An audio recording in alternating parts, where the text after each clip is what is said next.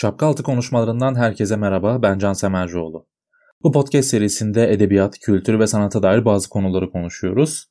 Özellikle edebiyat trendleri, kitaplar, yazarlar, sanat dünyasından gelişmeler, kültür hayatımızın nereye gittiği bir konular şapka altı konuşmalarında. Zaman zaman konuklarım da bu podcast serisinde bana eşlik edecek. Şapka altı konuşmalarını her iki haftada bir Medyapod ağından dinleyebilirsiniz.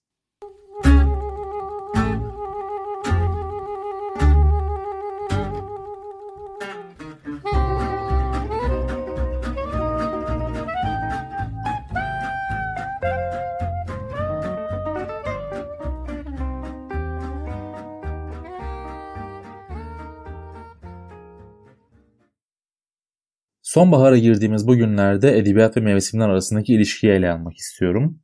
Biliyorsunuz havalar serinlemeye başladı ve artık kitap okuma mevsimi yavaş yavaş geliyor.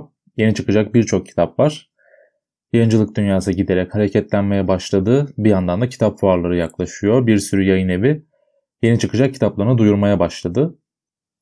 Hepimiz biliriz. Mevsimler ve edebiyat arasında ister istemez bir ilişkimiz olmuştur. Hangimiz demedik ki şu sözleri? Bu kitap kışın okunur, işte tam yaz kitabı. Hangimiz kitapları kategorilendirmedik ki? Bu tarz sınıflandırmaların bilimsel bir dayanağı yok muhtemelen ama kitap pazarlamasında kullanıldığı ve işe yaradığı da kesin. Çünkü mevsimler aslında bizim vücut tempomuzu, beyin aktivitemizi ve ruh halimizi etkiliyor. Günlerin uzayıp kısalması, güneşi ne kadar gördüğümüz, sıcaklığın ne kadar olduğu, havanın yağışlı ya da açık olup olmaması bizim bir bütün olarak bakış açımızı değiştiriyor. Aslında bizim biyokimyamızı değiştiriyor. Yayıncılar da bu değişimin muhakkak ki farkında ve yaz kitapları, kış kitapları, sonbahar okumaları, bahar şiirleri gibi bazı kavramlar kullanıyor ve bize bu şekilde kitap pazarlayabiliyorlar. Bu kavramların pazarlamayla ilişkili olduğunu anlamak için deha olmaya da gerek yok aslında. Yayıncılık dünyasında kitap ve dolayısıyla satış sezonu Eylül ayı itibariyle başlıyor ve Haziran ayına kadar da devam ediyor. Özellikle sezon başı ve ortasında bu alandaki üretim pik yapıyor. Sezon sonuna doğru ise azal azalarak gidiyor. Bu dönemde çok sayıda kitap basılır ve okurun beğenisine sunulur. Çünkü sezonun son bulduğu yerde de yaz kitapları başlar.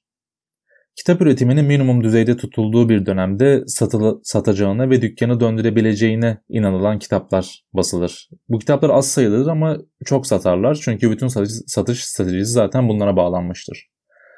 Yayıncılığın bu durumunu televizyondaki sezon anlayışıyla paralel olarak düşünmek mümkün. Daha geniş bir halkadan bakacak olursak kültür dünyasının üretimi de bu şekilde ilerliyor. Sonbahar geldiği zaman filmler, kitaplar, tiyatrolar, sergiler, pek çok kültür alanında ne kadar gelişme varsa hepsi bunların sonbahar ayından itibaren gerçekleşiyor. Biraz önce sözünü ettiğim mevsimsel ruh halleri de bir şekilde bizim kitap okuma tercihlerimizi etkiliyor. Kimse kasvetli ve tuğla gibi bir kitabı yazın okumak istemez. İsteyenler de vardır tabi. Ya da dışarısı karın yarattığı o kendine özgü sessizliği, o tok seslere bürünmüşken enerjik, tempolu, böyle insanın içini ısıtacak bir kitap okumayı kimse çok fazla tercih etmez. İşte bazı kitaplar okunmak için bazı mevsimleri bekliyor demek ki. Medyapod'un podcastlerine Spotify, Google Podcast, iTunes ve Spreaker üzerinden ulaşabilirsiniz. Medyapod'u desteklemek için patreon.com slash medyapod. Gelin şimdi de mevsimler ve edebiyat arasındaki ilişkiye biraz da istatistiki açıdan bakalım. Birkaç yıl önceye ait olan 2014 yılına ait olan YAYFED verileri yazın kitap satışlarının kışınkilere göre daha çok olduğunu gösteriyor en çok kitap satış rakamının gerçekleştiği dönem aslında sonbahar. Yani hem yeni yayın sezonunun başladığı hem de okulların açıldığı bir dönem bu. Sonbahar kitap satışlarında %29'da ilk sırada yer alıyor. En büyük paya sahip. İlkbahar ve yazın buradaki payı %25. Kış ise %21 ile son sırada. Tabi buradaki rakamlar yanıltıcı olmamakla birlikte bahsettiğimiz gibi sadece edebiyat alanına odaklanmıyor. Bu rakamlar içinde ders kitaplarının hatırı sayılır bir yeri var. Çünkü okullar açıldığı zaman ciddi miktarda kitap satışı gerçekleşiyor. Buna edebiyat da dahil ama ders kitaplarının payı epey yüksek. Zaten Türkiye'de kitap ölçümlemeleri yapıldığı zaman, satış rakamlarına bakıldığı zaman Bu rakamların neredeyse tamamı tüm kitapları kapsayan rakamlardan oluşuyor ve belli bir ölçüte göre kitap satışlarını belirlemek veya anlamak epey güç. Dolayısıyla sadece edebiyat kitapları üzerinden bir oranlama yapmak çok da mümkün gözükmüyor. Ancak yorumcu ve eleştirmenlere göre kışın daha az kitap okunmasının bir sebebi var. Çünkü insanlar kısa kış, kış günlerinde kitap okumak yerine televizyon ve internet gibi mecralara yöneliyor. Diğer yandan da yazın daha çok boş vakte sahip insanlar ve bu da kitap satış oranlarını aslında arttırıyor. Bir de duyduğumuz bazı kavramlar var. Özellikle yaz aylarında yaz kitapları, plaj kitapları, tatil kitapları gibi kavramları sık sık duyuyoruz. Burada esas kastedilen ne? Hikayeleri yaz aylarında geçen kitaplar mı yoksa okunduğu zaman yaz aylarında bir tatil beldesinde, şehrin tüm gürültüsünden uzakta içimize işleyen bir özgürlük hissini veren kitaplar mı? Ya da böyle çıtır çerez misali herkesin ilgisini çekebilecek türden kolay okunan ve tatil dönüşünde de neyden bahsettiğini çok da hatırlayamadığımız sırf biz okurlar vakit geçirelim diye yazılmış kitaplar mı? Yaz kitapları bunun bir bileşkesi aslında. Plajda okunabilecek kadar kolay, dikkat dağıtıcı pek çok unsur bir arada olmasına rağmen okuduğumuz ama kendimizi kapt- kaptırabileceğimiz, anlamak için kendimizi zorlamamıza gerek kalmayan kitaplar aslında yaz kitaplarını oluşturuyor. Büyük dertlere ve kavramlara kafa yormak gerekmiyor bunun için. Aksine çok daha gündelik dertlerimize odaklanan kitaplar bunlar. Yani belki bir WhatsApp grubunda arkadaşlarımızla döndürdüğümüz bir sohbet ya da tutkusuz bir ilişkinin yansımaları, bir aşk hikayesi, çok sıradan bir aşk hikayesi bir yaz kitabının konusunu kolayca oluşturabiliyor. Tabi bunun yanında daha soft diyebileceğimiz türden kişisel gelişim kitapları ve daha alt katmanda yer alan popüler bilim kitapları da var. Onlar da en az yaz romanları kadar kolay okunabilen kitaplar. Bir diğer noktada yaz kitaplarından hep haberdar oluyor oluşumuz. Nedense hepimiz yaz kitaplarının hangi kitaplar olduğunu biliyoruz. Tabi bunu içgüdüsel olarak bilmiyoruz. Reklam panolarından, televizyonlardaki, bilgisayarlardaki, cep telefonlarındaki reklamlardan biliyoruz bunları. Mesela bir metro istasyonuna gittiğimizde metro beklerken karşımızda görmüş olduğumuz kitap aslında bir yaz kitabı olabiliyor kolaylıkla. Bu kitapların reklamları da zaten Mayıs ayından itibaren başlıyor ve Ağustos ortasına kadar da sürüyor. O yüzden birisi gelip size hadi bana birkaç tane yaz kitabı say dese herhalde çok da zorlanmadan rahat rahat sayabilirsiniz. Hepimiz bunu yapabiliriz. Kış kitapları dendiği zamansa aklımızda bambaşka bir imaj oluşuyor. Bu ilk imaj so- çoğu zaman soğuk bir havada, sıcak bir evde bir köşeye çekilip kendimizi kitaplara verdiğimiz bir imaj oluyor aslında. Buna biraz daha edebi bir hava katalım. Hafifçe buğulanmış camlar, dışarıda sertçe esen rüzgar, yağmur damlaları, soğukluğun içinde aradığımız ama asla dışarıda olmayan, kendi içimizden çıkardığımız ve kitaplarla türettiğimiz bir sıcaklık hissi. İşte bu kış kitaplarının bir tanımı olabilir aslında. Bu hissin oluşturduğu bileşke ise genelde büyük kavramlarla sonuçlanıyor. Benliğimize odaklanıyoruz, bazı etik nosyonları düşünüyoruz, bu tarz kitapları okuyoruz.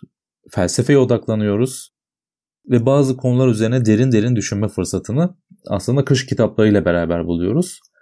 Bu bizim hem kendi içimizden gelen bir şey hem de kışın okuduğumuz kitapların bizim üzerimize yarattığı bir etki. Yaz kitapları ne kadar dışa dönükse sosyalleşmeyi, bir arada olmayı, kalabalığı simgeliyorsa kış kitapları da bir o kadar içe dönüklüğü, bir başına kalmayı, çılgın kalabalıktan uzakta olmayı simgeliyor aslında. Okur olarak kitaplara karşı olan pozisyonumuz aslında burada belirleyici. Aynı şekilde birey olarak hayata ve kitaplara olan bakış açımız okuyacağımız veya okumak istediğimiz şeyi bize anlatıyor. Bir örnek verelim. Mesela Orhan Pamuk denince benim aklıma yaz mevsimi neredeyse hiç gelmiyor. Onun kitapları daima loş ışıkta, soğuk havada yazılmış ve sanki kıştan başka bir mevsimde okunamayacakmış gibi hissettiriyor bana. Bunu biraz da size görselleştirmeye çalışayım. Manzaradan Parçalar kitabının iletişim baskısını hatırlarsınız. Orada bir kapak fotoğrafı vardır. O kapak fotoğrafında Orhan Pamuk bir kahvede bir gençle sohbet etmektedir. Onunla bir mülakat yapmaktadır. Bir ses kayıt cihazı görüyoruz kahve masasında. Üzerinde bir mont vardır Orhan Pamuk'un. Konuşmuş olduğu gencin de üzerinde bir mont vardır. O kahvenin içindeki sigara dumanını, oradaki buharı hissederseniz camların buğulu olduğunu hayal edebilirsiniz çok da üzerine düşünmeden. Hatta camlardan buğuların sıvılaşıp aşağı süzüldüğü bir mekan olduğunu o kahvenin bile hayal edebilirsiniz. Orhan Pamuk'un aslında kış mevsimi için yazdığı bir kış yazarı olduğu imajını veren bir fotoğraf varsa o da herhalde bu kitap üzerindeki fotoğraf olsa gerek. Ama sadece o kitap kış kitabı değil tabii ki. Kara Kitap, Yeni Hayat, Masumiyet Müzesi, Kar, Cevdet Bey ve oğulları bunlar da kış kitabı olarak nitelendirilebilir. Ama benim açımdan Orhan Pamuk'un ayırıcı olan e, bir kış kitabı olmayan kitabı varsa o da Sessiz Ev kitabı. Çünkü Sessiz Ev deniz kenarında geçen anlardan oluşuyor. Yazdaki ev tasvirlerinin çokluğuyla dolu bir kitap. Bu yüzden sanırım o bir yaz kitabı olabilir. Diğerlerinden ayrılıyor. Bir diğer yazar da Hasan Ali Toptaş mesela. Kıştan başka mevsime ait bir yazar olamayacakmış gibi hissettiriyor hep. Çünkü muhtemelen onun da kitapları hep kışın yayınlanıyor ve romanlarında anlatım bakımından, hikaye bakımından kendine has bir karanlığı durmaksızın bize gösteriyor. Aynısını Ayhan Geçkin, Murat Uyur Kurak, Ayfer Tunç, Irmak Zileli, Vüsat Bener bir sürü isim sayılabilir bunun gibi. Hatta yurt dışından da Dostoyevski, Marcel Proust, Haruki Murakami, Paul Auster ve daha birçok yabancı yazar hiç tereddütsüz kış yazarı diye nitelenebilir kolaylıkla. Tabii kitapları yaz kitapları, kış kitapları diye nitelemek yeni bir şey değil. Saçma bir şey de değil. Çünkü sadece ben, sen, o başkası değil. Bütün okurlar, bütün yayıncılar bunu yapıyor aslında. Herhangi bir okurun önüne 50 tane yazar ismi versek ve bunları yaz ve kış mevsimlerine göre ayırmasını istesek o okurun çok da zorlanmadan bize sağlam bir liste vereceğini görürüz aslında. Tabi bir de mevsimleri konu eden kitaplar var. Mesela Carlo ve Knausgaard'ın Mevsimler serisi ya da Ali Smith'in Mevsimler serisi. Bunun gibi birkaç tane daha Mevsimler serisi kitapları var. Ama hepsinin bir ortak özelliği var. Döngüsel bir yapıda olması. Çünkü mevsim romanları, mevsimler aslında birer döngü. Ve ilginç şekilde her bir mevsim kitabında o mevsimin ruh halini hissetmeye başlıyoruz. O havaya bürünmek durumunda kalıyoruz. Bir sonbahar kitabını yazın başında okuduğumuz zaman da sonbahar hissini kaçınılmaz olarak duyuyoruz ya da bir yaz kitabını kışın okuduğumuz zaman kendimizi bir plajda hayal edebiliyoruz ya da o zamanın yaz hissini hissedebiliyoruz. Bu bir podcast dahadır. Mediapod. İletişim için mediapod.com ya da @mediapod. Şimdi madem bu kadar mevsim kitaplarından söz ettik, bu kadar sonbahar dedik. E peki biz sonbahar hissini bu sene hangi kitaplarla beraber alacağız? Bu yayın sezonunda da sonbahar sezonunu derinden hissedebileceğimiz heyecan verici kitaplar var. Herhalde bunlar arasında en çok beklenti yaratanı benim gözümde Hasan Ali Toptaş'ın yeni kitabı. Kitabın adı, ne üzerine olduğu, yayın tarihi hiçbir şey bilinmiyor şu anda. Fakat eleştirmen Barbaros Altu geçen gün Twitter hesabından Hasan Ali Toptaş'ın yeni bir kitap yayınlayacağını duyurdu. Bu sene Selçuk Orhan'ın ilk romanıyla da karşılaşıyor olacağız. Sezgin Kaymas'ın da beklenti yaratan bir öykü kitabı var. Ben Yusuf onun adı. Uluslararası dünyada da Haruki Murakami'nin yazarlık deneyimini anlattığı deneme kitabı var yazar olmak üzerine. O bu ay okurlarla buluşacak. Kendi kuşağının en iyi temsilcilerinden biri olarak gösterilen bir yazar var sırada. Sally Rooney. Romanı Normal İnsanlar. O da okurlarla buluşmayı bekliyor. Kitap genç bir çiftin birbirlerini sevme hikayelerini anlatıyor aslında. Çok sıradan bir hikaye gibi gelebilir kulağa ama bunu genç kuşağın dilinden anlatıyor. Yazarın ayırıcı özelliği de bu sanırım. Sade bir dil kullanmasına rağmen çok karmaşık bir hikaye anlatıyor olması ve Sally Rooney'nin henüz 20'lerinde olan bir yazar olduğunu da hatırlatmak gerek. Ve kendisi aynı zamanda uluslararası arenada da epey takdir görmüş bir yazar. Vejeteryan romanıyla tanıdığımız bu ödüllü Han Kang'ın yeni romanı Çocuk Geliyor da yakın zamanda okurlarla buluşacak. Kore tarihi üzerine bir kitap bu. Ayaklanma, sivil direniş ve bu sivil direnişe karşı hükümet güçlerinin giriştiği bir katliam bir ülkenin siyasi tarihini anlatıyor aslında. Kitabı okuduğunuz zaman bizim ülkemizin tarihiyle olan bazı benzerlikleri de göreceksiniz. Yine toplumsal konulara odaklanan bir kitap var. Jonathan Safran Foer'in bir kitabı. Bu kitap iklim krizine odaklanıyor. Günümüzün yakıcı sorunlarından biri. Bizim Havamız adıyla okurlarla buluşacak. Şimdi ise ilk kez Türkçe'ye çevrilen bir Fransız yazardan Camille Borda'dan söz etmek istiyorum size. Birlikte Yaşamanın Yolları okuyacağımız kitabın adı. Kalabalık ve entelektüel bir evde büyüyen ama sıradan niteliklere sahip, asla entelektüel olmayan bir çocuğun bulunduğu bir roman bu. Bu çocuk kendini o eve ait hissetmez ve kendisi olmak ister. Bu ikisi arasındaki çatışmayı konu ediyor roman ve çocuğun büyüme öyküsünü dinliyoruz. Ve sizin için tatlıyı da sona sakladım. Ha geldi, ha gelecek, o zaman gelecek, bu zaman gelecek diye konuşulan bir kitap var. Orhan Pamuk'un yeni romanı. Orhan Pamuk Kırmızı Saçlı Kadın'dan sonra yakın zamanda yeni bir romanda dönecekti. Bunu hepimiz biliyorduk. Hem basına sızmıştı hem de kendisi YKY'nin bir yayınına vermiş olduğu söyleşide roman üzerine çalıştığını söylemişti.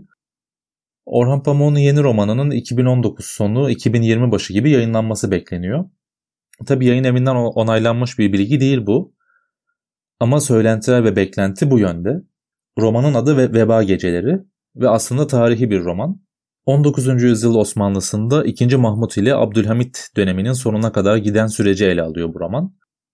Ve aslında otoriterliğin toplumsal kökenlerine odaklanan bir roman. En azından söylentilerden, dedikodulardan elde etmiş olduğumuz bilgi bu. Orhan Pamuk da vermiş olduğu söyleşide bu romanın İstanbul'u anlatacağını söylüyor ve Veba Gecelerinin uzun ve tarihi bir roman olduğunun altını çiziyor. İşte bunlar yeni yeni hissetmeye başladığımız sonbahardan itibaren yeni sezonda okuyacağımız kitaplar arasında. Hazır yayıncılık piyasası hareketlenmişken önümüzdeki haftalarda bizi heyecanlandıracak daha fazla kitapla buluşacağız gibi gözüküyor. Şapka altı konuşmalarından bu bölümlük bu kadar. İki hafta sonra görüşmek üzere.